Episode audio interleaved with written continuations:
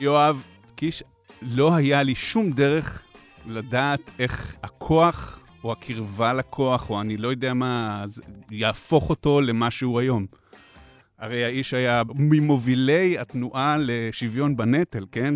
היום הוא הולך להצביע ש, שרק חילונים ילכו למות 60 ימים בשנה, 6 שנים מהחיים, כמו באריתריאה, הוא הולך להצביע על זה.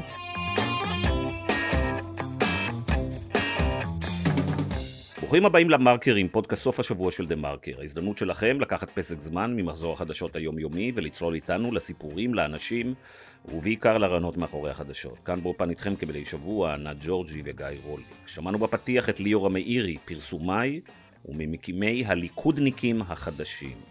שלום ענת. שלום גיא, מה שלומך? אה, סביר פלוס.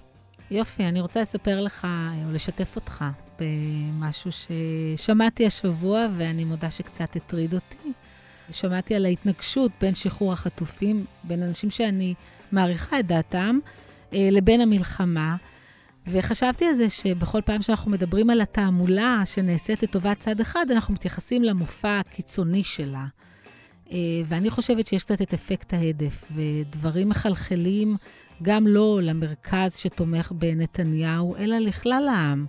שנתניהו לא אחראי העיקרי למה שקרה ב-7 באוקטובר, אלא שהצבא פישל. לעובדה ש, שהלחץ לשחרור חטופים אולי אה, גורם נזק למאמץ המלחמתי ולכל מיני דברים כאלה. ואני מודה שיצאתי מהשיחות האלה מאוד מוטרדת, בגלל הקלות שבה אפשר להעביר רעיונות שהם אה, מאוד לא מורכבים, מאוד שטוחים ומאוד משרתים צד אחד. כן, מכונת התעמולה היא מאוד, אה, מאוד אה, אפקטיבית, היא מגיעה לכל אה, מקום, ובעיקר אין לה אופוזיציה, אין מישהו שעומד מולה. ככל אלה שמגדירים את עצמם כלא במחנה של ביבי, הם כמובן הרבה יותר חלשים, אין להם מכונות תעמולה, הם לא מתואמים, הם מתחרים זה בזה, ובעצם המגרש נשאר פה ריק לחלוטין. נתניהו ומקורביו, יש להם את ערוץ 14, יש להם את האנשים שלהם. אה, בכל, בערוץ 11, 12 ו-13. מדי פעם יש כמה אה, כאלה שלכאורה שמים אותם בטלוויזיה כדי להגיד דברים אה, נגד נתניהו, אבל הקול שלהם נבלע כמובן בים של מכונת התעמולה המשמעותית ביותר. נכון, גם גיא, יותר קשה להעביר או להפיץ מסרים שהם מורכבים, והמציאות היא מורכבת. זה נכון שהצבא הוא אחראי למחדל, אבל אתה לא יכול לנתק את הצבא מהפוליטיקה, מהמדיניות. וזה נכון ש, שהשחרור של החטופים יגבה מאיתנו מחיר יקר, אבל אתה לא יכול שלא לעשות את זה, כי יש לנו מחויבות מוסרית להחזיר אותם הביתה. המסרים האלה הם מורכבים, ולפעמים יותר קל לקלוט, או תמיד יותר קל לקלוט, מסרים שהם הרבה יותר פשוטים. מעבר למחויבות המוסרית, ברגע שאנחנו אומרים שאנחנו אדישים אה, לגורלם של ה... חטופים או לא נחושים או לא רואים בזה כדבר החשוב ביותר, אנחנו בעצם קוראים את החוזה החברתי. אנחנו אומרים לכל אזרח בישראל, שטרוריסטים יכולים להיכנס אליך הביתה, לחטוף לך את האישה ואת הילדים, ותדע שהממשלה הזאת לא תהיה מחויבת אה, להגן עליהם או להחזיר אותם. זה בעצם המסר. נכון, אני רוצה לעבור איתך לעוד נושא, שאתה הסבת את תשומת הלב אליי, והוא הידיעה שפרסם ליאור דטל, על כך שתלמידים בחינוך החרדי יקבלו הרבה יותר כסף מתלמידים בחינוך הממלכתי.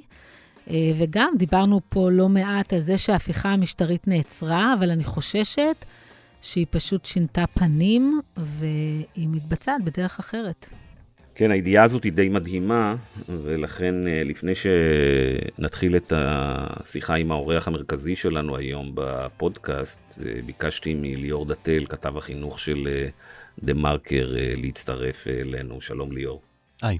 אז בוא תספר לנו בעצם מה, מה היה פה. מאז הקמת הממשלה אנחנו שומעים כל הזמן על הצורך להשוות את תקציבי החינוך החרדים לחינוך החילוני, ושכל ילד, כל הילדים שווים. וילד חרדי הוא לא חצי ילד, כמו שנתניהו אמר כבר כמה פעמים. אתמול משרד האוצר uh, פרסם בנייר עמדה רשמי שכל המהלך הזה פשוט נועד uh, בשביל להגדיל את תקציבי uh, רשתות החינוך החרדיות שמזוהות עם המפלגות הפוליטיות החרדיות, ושלמעשה כל ילד בחינוך החרדי יקבל 1,500 שקל יותר בממוצע, מאשר תלמיד בחינוך החילוני. ליאור, תן לי רגע לסכם שמי שלא עוקב אחרי הפרטים פה, אתה בעצם אה, מביא אה, לנו שלושה סיפורים כאן. הסיפור הראשון הוא שממשלת ישראל, ובראשה יואב קיש, בהקשר הזה שר החינוך, אה, שיקרו אה, לציבור... יש שני שרי חינוך, יואב קיש וחיים ביטון. יפה. אז אה, שרי החינוך של ישראל שיקרו לציבור במשך למעלה משנה. הם אמרו, אנחנו רק משווים, תכף נראה גם שההשוואה הזאת היא שקר, אנחנו רק משווים בין התקציבים של התלמידים החרדים לחילוניים, הם משקרים בצורה עקבית בעניין הזה שנה, ועכשיו יוצא מסמך רשמי של האוצר שאומר שיואב קיש הוא שקרן.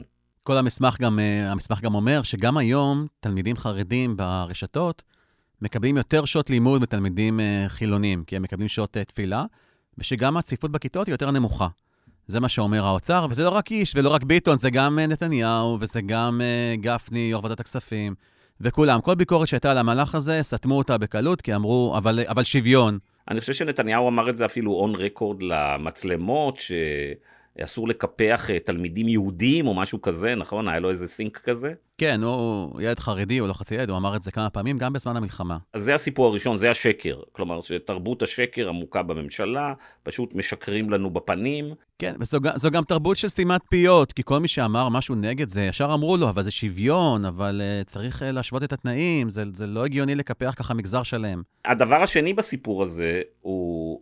הוא שבעצם לא אומרים לנו, וזה כאילו, כאילו זה ידוע, אבל לא חוזרים על זה ולא מסבירים, שבעצם מערכות החינוך החרדיות הן בכלל לא מערכות חינוך, זה עסקים פרטיים של כל מיני טייקונים חרדים, אה, שמזרימים כסף לתקציב משרד החינוך, לחינוך הממלכתי-חילוני, אה, אז, אז זה עובר דרך הסקטור הציבורי, עם אה, חשבים כלליים, עם יועצים משפטיים, וזה הכל שירות ציבורי. פה הכסף מגיע לעמותות פרטיות, שלמשרד האוצר יש פיקוח אפסי עליהם, ואנחנו לא יודעים כמה מתוך המיליארדים האלה יגיעו לכיסים של כל מיני טייקונים חרדים.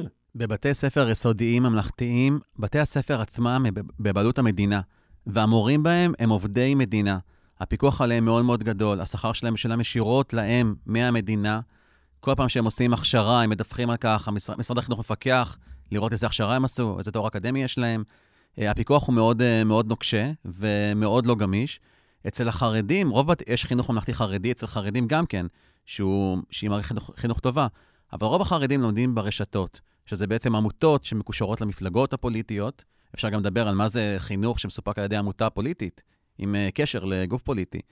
אבל אלו עמותות, משרד האוצר טוען כבר גם, גם אתמול וגם בכלל, שאין לו מידע מספק על מי המורים שם, מה הם מלמדים בכלל, מהם תוכניות הלימודים, אה, וגם הכסף באמת מוזרם לעמותה עצמה, להנהלה עצמה, וההנהלה מחליטה איך אה, לחלק אותה בין בתי הספר.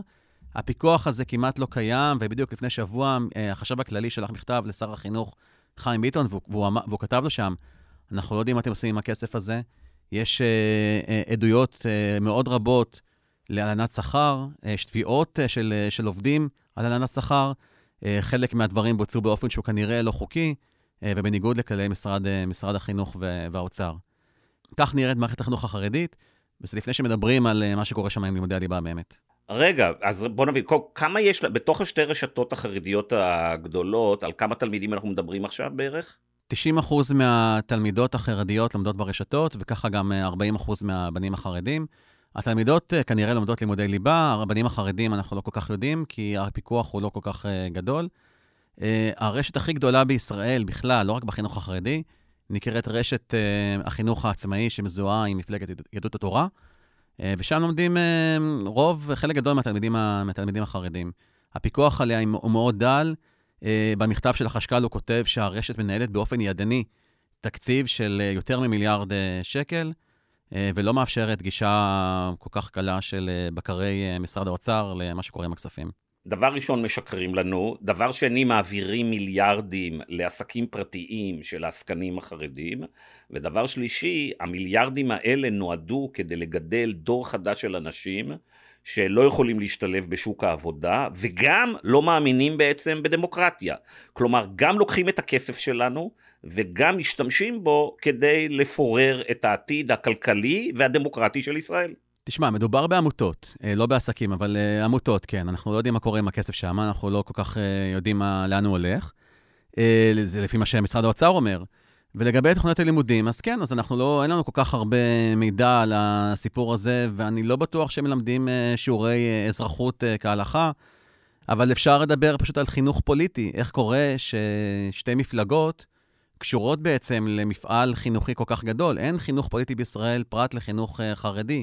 אנחנו מקבלים את זה כאילו זה דבר מובן מאליו, אבל זה לא. אני לא מכיר מדינות שבהן, מדינות מפותחות, מערביות דמוקרטיות, שבהן יש גוף פוליטי שמחנך אה, תלמידים, וגם רוב תלמידים של, uh, של מגזר מסוים. ועושה את זה מכספי ציבור, שבעצם מכספי, רק הולכים... לגמרי מכספי ציבור, 100% כספי ציבור, שהמנכ"ל של, אותו, של אותה רשת חינוך, הוא למעשה היה בעבר ברשימת uh, אותה מפלגה ומקושר לכל הפוליטיקאים במפלגה. גם לגבי המינויים של, ה, של הסגל ההוראה ובכלל נושא התפקידים, שם אין לנו שום בקרה על מי ממונה, על איזה, מה תנאי הסף, מה מידת ההתאמה של המורים לתפקיד, מה הדרישות מהם, שום דבר בעצם. נכון, אנחנו גם במכתב אחד של משרד האוצר בשנה האחרונה הוא גם כתב, אנחנו לא, או שזה היה במבקר המדינה, אנחנו לא יודעים בכלל אם יש להם תעודת יושר מהמשטרה. למורים. אתם לא מספקים את המידע הזה אפילו. עכשיו, באמת, אה, בעקבות תוספת התקציב, אז הם הסכימו כן לשחרר מידע על המורים, אבל רק אה, באמצעות ההנהלה של הרשת, ולא כל בית ספר בנפרד. אם אני הייתי פותח בית ספר פרטי, הם מבקשים ממני ישירות את המידע על כל המורים, ומה ההשכלה שלהם, ומה ההכשרה שלהם, ומה הם מלמדים, וכמה שעות. אבל פה הסכימו להנהלה עצמה לדווח על זה בשביל בתי הספר.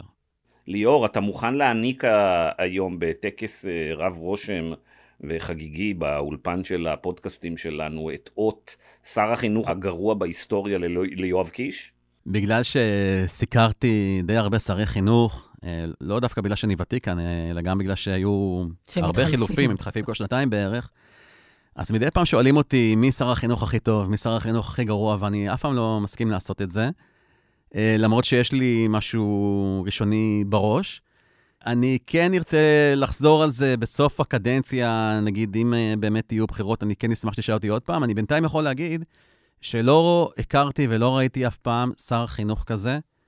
Uh, הדברים שאנחנו מדברים עליהם עכשיו, התוספות תקציב לחינוך uh, פרטי, חרדי, מפלגתי, לא היה שר חינוך שהסכים לדבר הזה, כי יש גם מקדם תקנות בחוק שיהפכו את זה למשהו קבוע.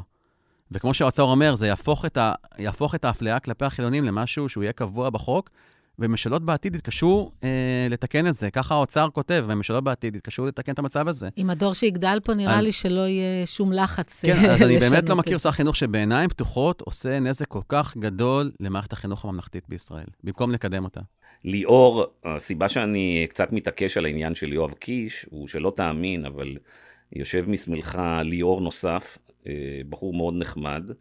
שבמידה מסוימת אחראי לכניסתו ונסיקתו של אה, יואב קיש לפוליטיקה הישראלית. הוא לא התכוון אה, שאלה יהיו התוצאות, אבל זה מה שקרה.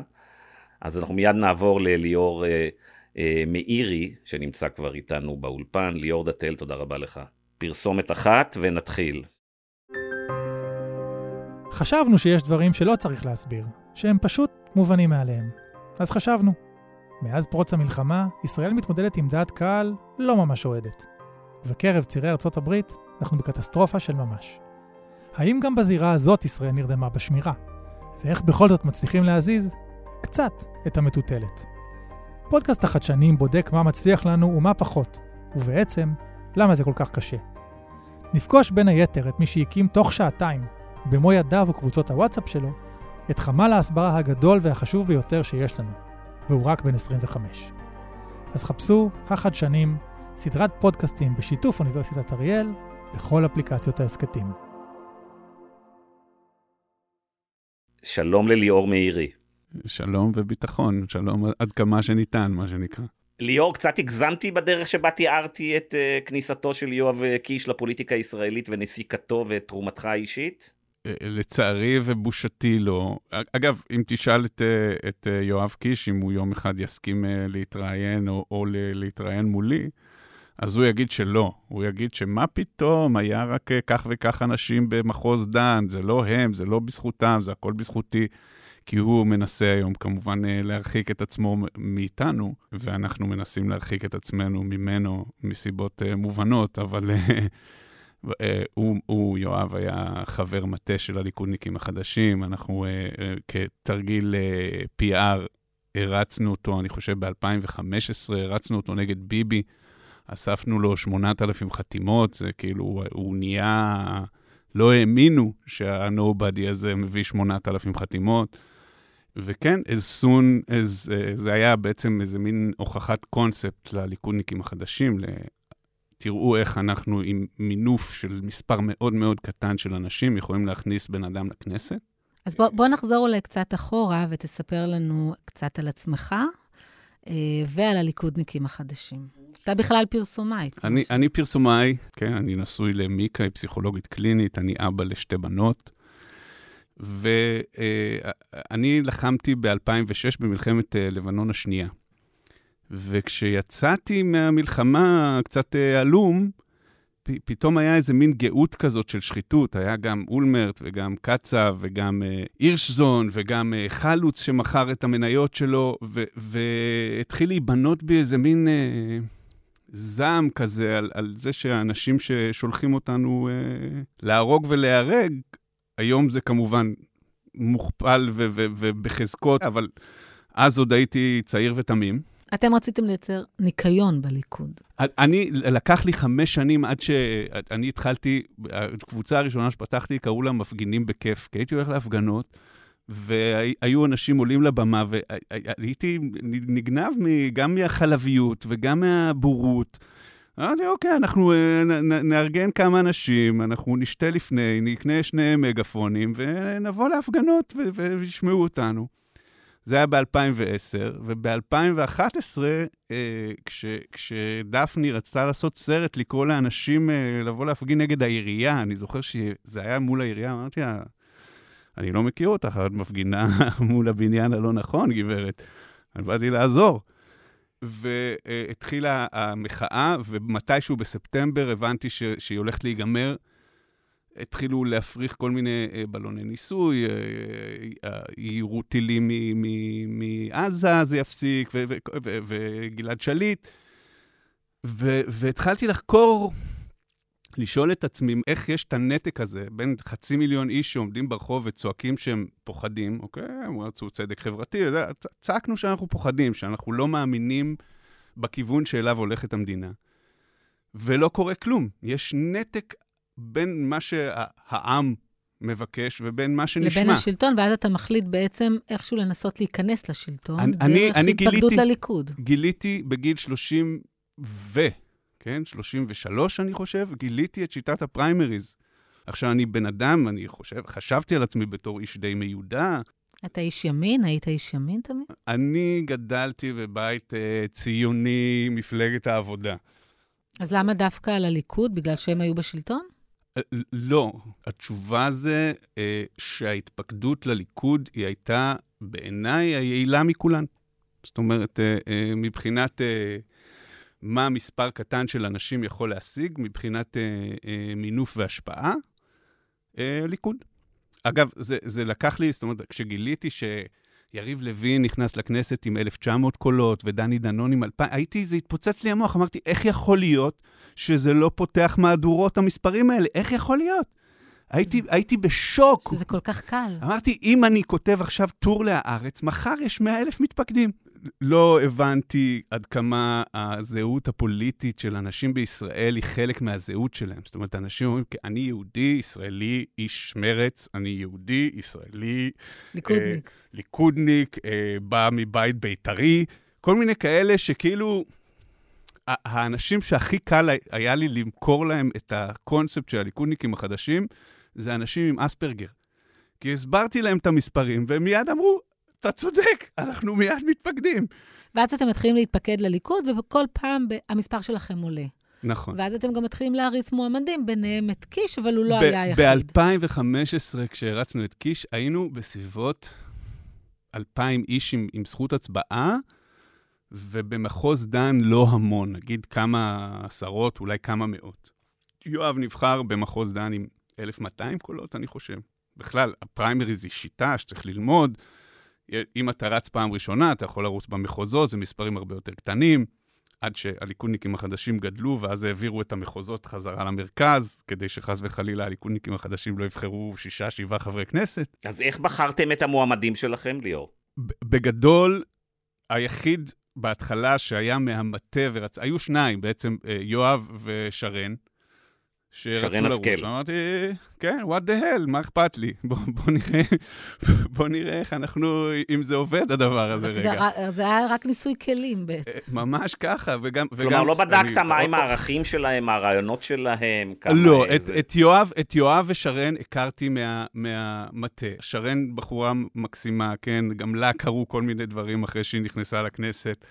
ויואב, לא היה לי שום דרך לדעת אה, איך אה, הכוח או הקרבה לכוח, או אני לא יודע מה, יהפוך אותו למה שהוא היום.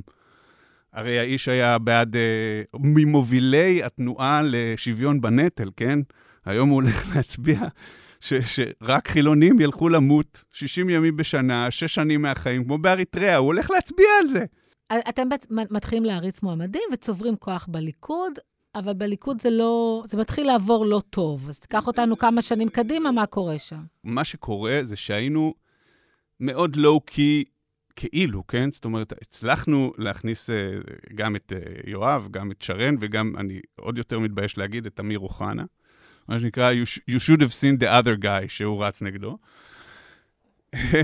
אבל... Uh, לקחנו את הכי פחות גרוע בכל, בכל משבצת. והכוח העיקרי ש, שצברנו בעצם קורה באזור אילנה דיין. זאת אומרת, אה, כשאילנה דיין עשתה את הכתבה שלה על אה, נתניהו ומשפחת נתניהו, ואם אתם זוכרים את מה אומרים, לא אומרים, ובו זמנית גם ציוננוס עשה עלינו כתבה בערוץ 2, ופתאום נהיינו אה, 9,000 איש. ו-9,000 איש זה פי שלוש מהקבוצה הכי גדולה אחרינו. לא יצאנו ממש נגד נתניהו. תמיד במטה היה מין אה, אה, מתח כזה, האם, כמה אפשר להיכנס בנתניהו. תמיד ית, הלכנו מהצדדים. ובמותר לקבל מתנות, אה, אמרתי, די, חלאס. זה הולכים לנתניהו על הראש. רגע, רגע, תס, להזכיר לאנשים מה זה מותר לקבל מתנות. המשטרה ממליצה להעמיד לדין את נתניהו בתיק אלף, שבו הוא מקבל אה, סיגרים ושמפניות ושאר אה, טובין במאות אלפי אה, שקלים, ואז הוא עולה לבימת הכנסת ואומר, אה, מותר לקבל מתנות מחברים, הכל על הכיף כיפאק. נכון. ו- וזה באמת, uh, כאילו, אני מבחינתי מאותו יום הוא אשם, כן? עד היום אנשים אומרים לי, מה אתה כל כך שונא אותו? מה זה? אולי הוא בכלל חף מפשע? אולי תהפכו לו... מהיום שהוא אמר, מותר לקבל מתנות, מבחינתי הוא אשם. הוא הרשיע את עצמו, כי אתה לא תלך לפקח שמקבל מתנות, אתה לא תלך לשוטר שמקבל מתנות, לא למפקד בצבא שמקבל מתנות. זה, זה, זה כאילו חוסר הבנה אה, בסיסי של מהי הפרת אמונים כלפי אזרח. ומאותו רגע הבנתי שבלי שום ספק, whatsoever האיש מושחת to the bone. והלכנו לו על הראש, ומאותו רגע אה, התחילו להגיש נגדנו עתירות, להעיף אותנו מה, מהמפלגה. זה התחיל במנהיגים לכאורה, והגיע עד לזה שפשוט אה, אה, מחקו מהרשימות אה, 7,000 מצביעים. אז המצב היום הוא למעשה שאתה לא חלק מהליכוד. אני לא בליכוד, אני בליכוד אה, הגיש נגדי תביעת אה, זכויות יוצרים על זה שאסור לי להשתמש במילה ליכוד או ליכודניקים. ויותר גרוע מזה זה שהכוח הכי גדול, הליברלי, החילוני נגיד, ציוני, אה, נמחק בליכוד. אז רק, רק למען הגילוי הנאות, אתה בעצם לא בליכוד היום ויש תביעה של הליכוד נגדך.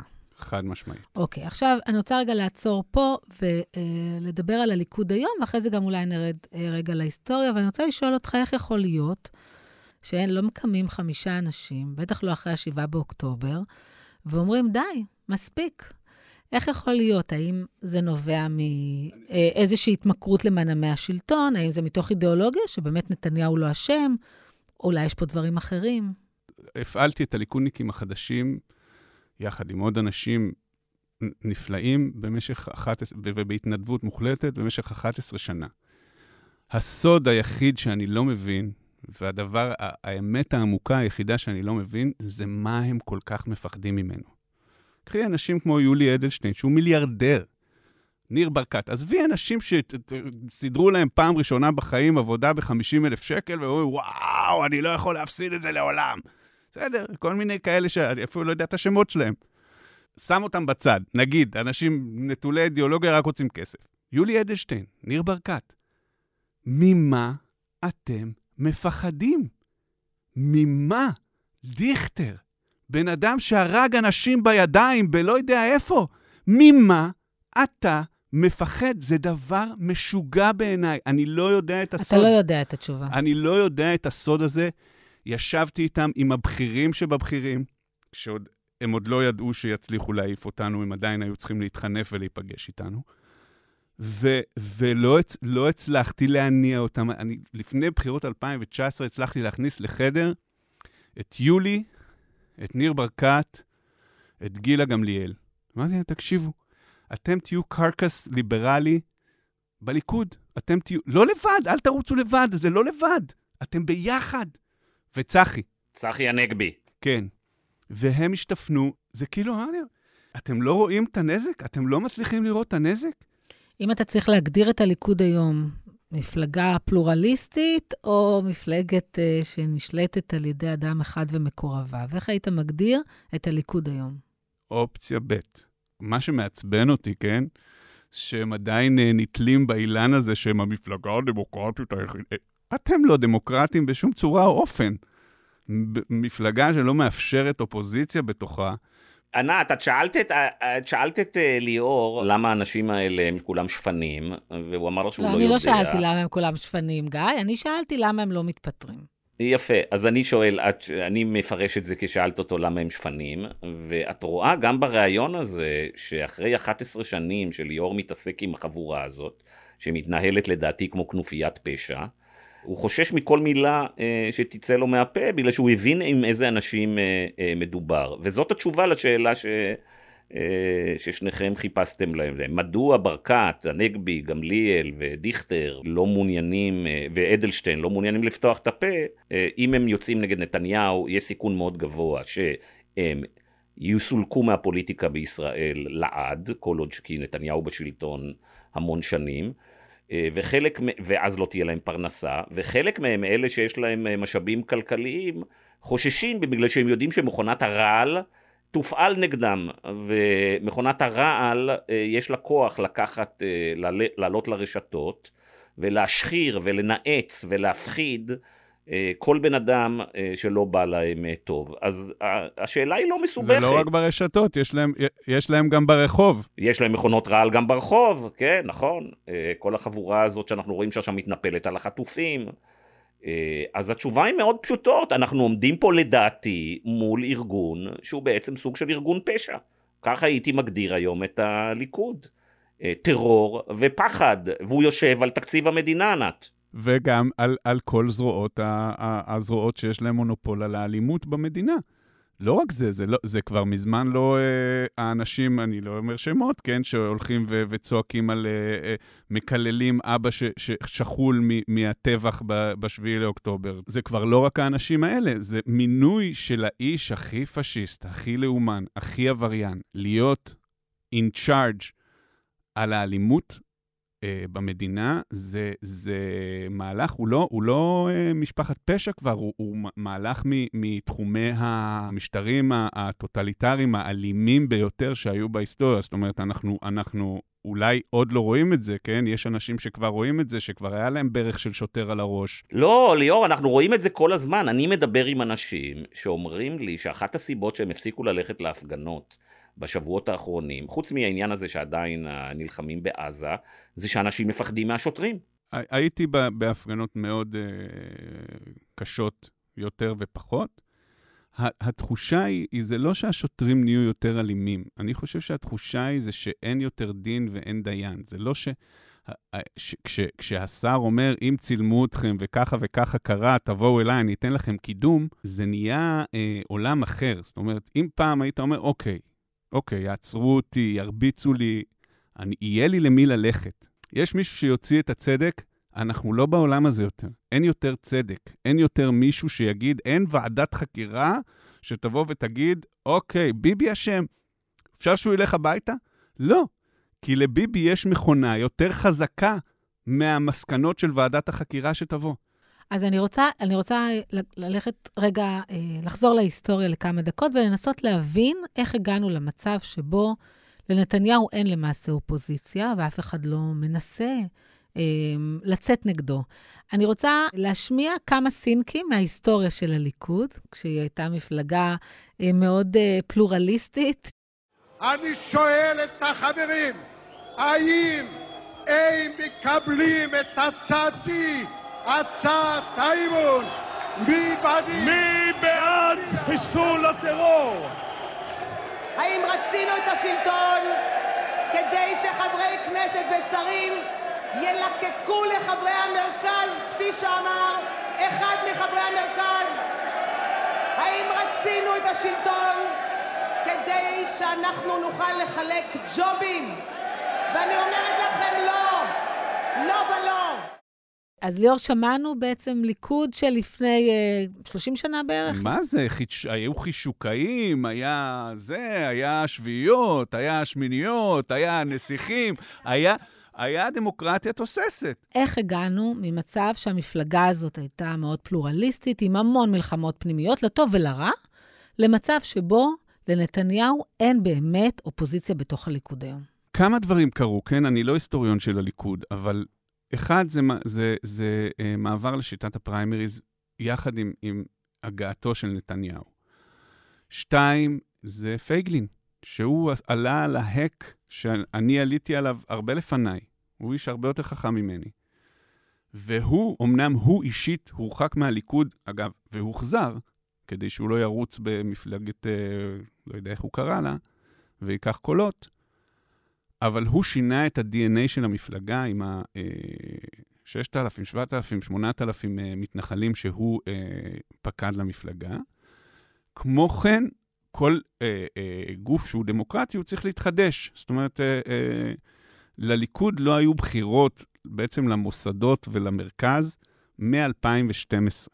האנשים, ה-3,700 חברי מרכז, שבעצם הם אנשים מאוד מאוד עוצמתיים, כל אחד מהם, כי הם מחליטים הם, הם קובעים את, האנשים שישבו בוועדות, את האנשים שישבו בבית הדין וכולי וכולי, וגם בוחרים את, את המחוזות, שזה עשרה חברי כנסת. הם, הם לא משתנים. הם לא מועמדים לבחירה, למרות שהם צריכים להיות מועמדים לבחירה לפני כל בחירות. אז זו מערכת סגורה, שבעיניי נתניהו יודע לעשות לה אה, אה, מניפולציה, לקרב אנשים נאמנים, סלאש פחדנים, סלאש חמדנים, ולהרחיק אנשים. הרי כשאני עשיתי את, ה, את, ה, את, ה, את הפריימריז הראשונים שלי בליכוד, עוד היו שם אנשים כמו דן מרידור. כן, זה, זה היה, ת, תחשבו היום על איפה דן מרידור ואיפה שלמה קרעי. מה, מה, מה קרה לנו? כאילו היום מתגעגעים לאורן חזן, אומרים, וואו, אורן חזן, הוא היה ממלכתי. ליאור, אני רוצה לשאול אותך אה, לסיום, אתה בעצם, כמו שאמרנו בהתחלה, לא בליכוד, אתה מתכוון להמשיך להיאבק על זכותך להיות בליכוד, או אתה חושב שהמפלגה הזאת באיזשהו אופן אה, סיימה את דרכה? אני, אני עוד, עוד מתלבט לגבי המשך הדרך שלי אה, כ, כפעיל פוליטי וכאזרח ישראלי, כן? אני, כל עוד בליכוד יכולים למחוק בלחיצת כפתור כל מתפקד שלא מתאים להם. וכל עוד אה, בתי המשפט אה, אה, מפקירים את האזרחים לגחמות אה, של מוסדות המפלגה, אז אין מה לחפש שם, לא ככה, בכל אופן, לא כקבוצה מאורגנת, יכול להיות שאפשר לעשות את זה בכל מיני יוזמות אה, פרטיות.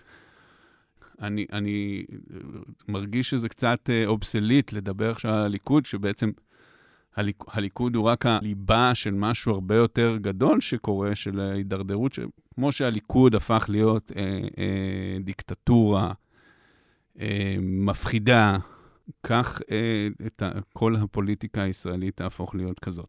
אז אתה מרים ידיים.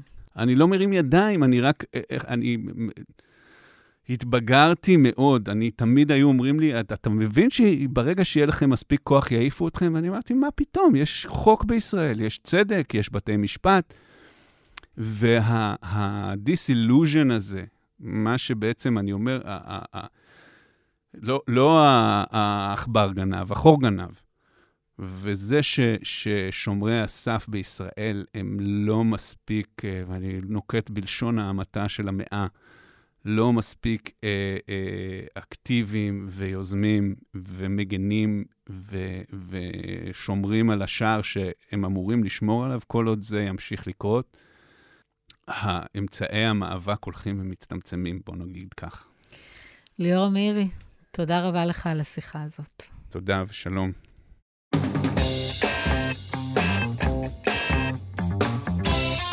טוב, ענת, איך את מסכמת? אני עוד קצת אה, המומה מדברים שנאמרו פה. אני חושבת שהליכוד אה, בקצב הזה יסיים כמו שמפלגת העבודה מסיימת, ושתי מפלגות שהרכיבו את הפוליטיקה הישראלית במשך הרבה מאוד שנים, יפנו את מקומן למפלגות אחרות. אני מאוד מקווה שאלה יהיו מפלגות ליברליות ודמוקרטיות, שמאמינים בחירויות הפרט ולא בדברים אחרים. או-אה, אינשאללה, אה, ענת. כרגע זה לא נראה שזה הולך לכיוון. סוף סוף משהו אופטימי. כן, אבל אני קצת קשה לי לה, להבין מאיפה את שואבת את האופטימיות הזאת לליכוד היום. קודם כל, נתניהו השתלט טוטאלית על הליכוד, בנה מכונת רעל ותעמולה שמרתיעה את כל האויבים שלו.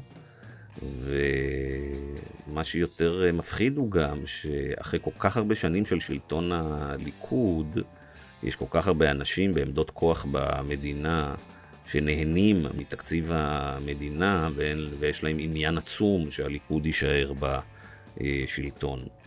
ומול זה יש לנו אופוזיציה חלשה ורופסת.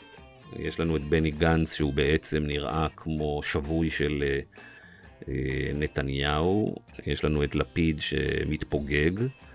אה, ולא נראה מי יקום כאן ויעמוד מול החבורה הזאת. ממש יותר, כמה שמפחיד מה שקורה בליכוד, שמסתכלים על הצד השני, אה, היעדר מנהיגות אה, נחושה וערכית, עם מסר ברור שתאחד את המחנה הליברלי, לא רואים כזאת. אנחנו כבר שנה ומשהו לניסיון ההפיכה המשטרית, חשבנו שמהרחובות, מתנועת המחאה, יעלה ויבוא משהו. אבל uh, לדעתי, העובדה שהתקשורת שלנו כל כך מושחתת, uh, מונעת בעצם, והיא כל כך משמעותית, היא מונעת בעצם עלייתם של מנהיגים uh, ערכיים, כי את הבמה מקבלים רק המטורפים, המשיחיים, המושחתים והאלימים. אז אני דווקא רוצה לצטט את הטור של אחד, גיא רולניק, משבוע שעבר. אה, שבו הוא אמר שהשינוי בעצם יגיע מהעם. אני מאוד מאמינה שיש לנו עם חזק ונחוש, וכמו שידענו להילחם אה, בהפיכה המשטרית, נדע להילחם גם פה למען עתיד יותר טוב ויותר שוויוני אה, לכלל האזרחים. אז אני אגיד אינשאללה פעמיים בפודקאסט הזה, ונסיים אותו בנימה אופטימית זאת. תודה לך, ענת, על האופטימיות הזאת. תודה רבה למאזינים, תודה רבה לליאור מאירי שהגיע לאולפן. אה, באמת, הוא לוחם מאוד חשוב, ליאור אה, מאירי, עם הליכודניקים החדשים, עשור אה, שהוא נאבק בכוחות אלימים ולפעמים גם אפלים. תודה רבה לליאור דתל, שאיתו פתחנו את הפודקאסט, כתב החינוך אה, שלנו. דרך אגב, שעושה, שעושה עבודה מצוינת וחוטף אש כל הזמן. כל הזמן חוטף אש. תשמעי, זה באמת, אה, את יודעת, היה 20 שנה הראשונה שלי כעיתונאי, חטפנו כל הזמן אש מהטייקונים, היו איזה חמישה, עשרה נכון. טייקונים ומשרתיהם שכל הזמן נלחמו בנו בכל שיטה. אה, לא חשבתי שנגיע לעולם שבו גם הממשלה תתחיל לרדוף עיתונאים בצורה כל כך אה, אגרסיבית, יהיו לה להקות להקות אה, של כלבי טרף ברשתות החברתיות, שזאת תורתם ואומנותם תהיה לרדוף עיתונאים, אבל שם אנחנו נמצאים היום. תודה רבה לעורך שלנו, לדן ברומר, שעזר לנו עם כל הסינקים המרובים בפרק הזה, ולהתראות בשבוע הבא.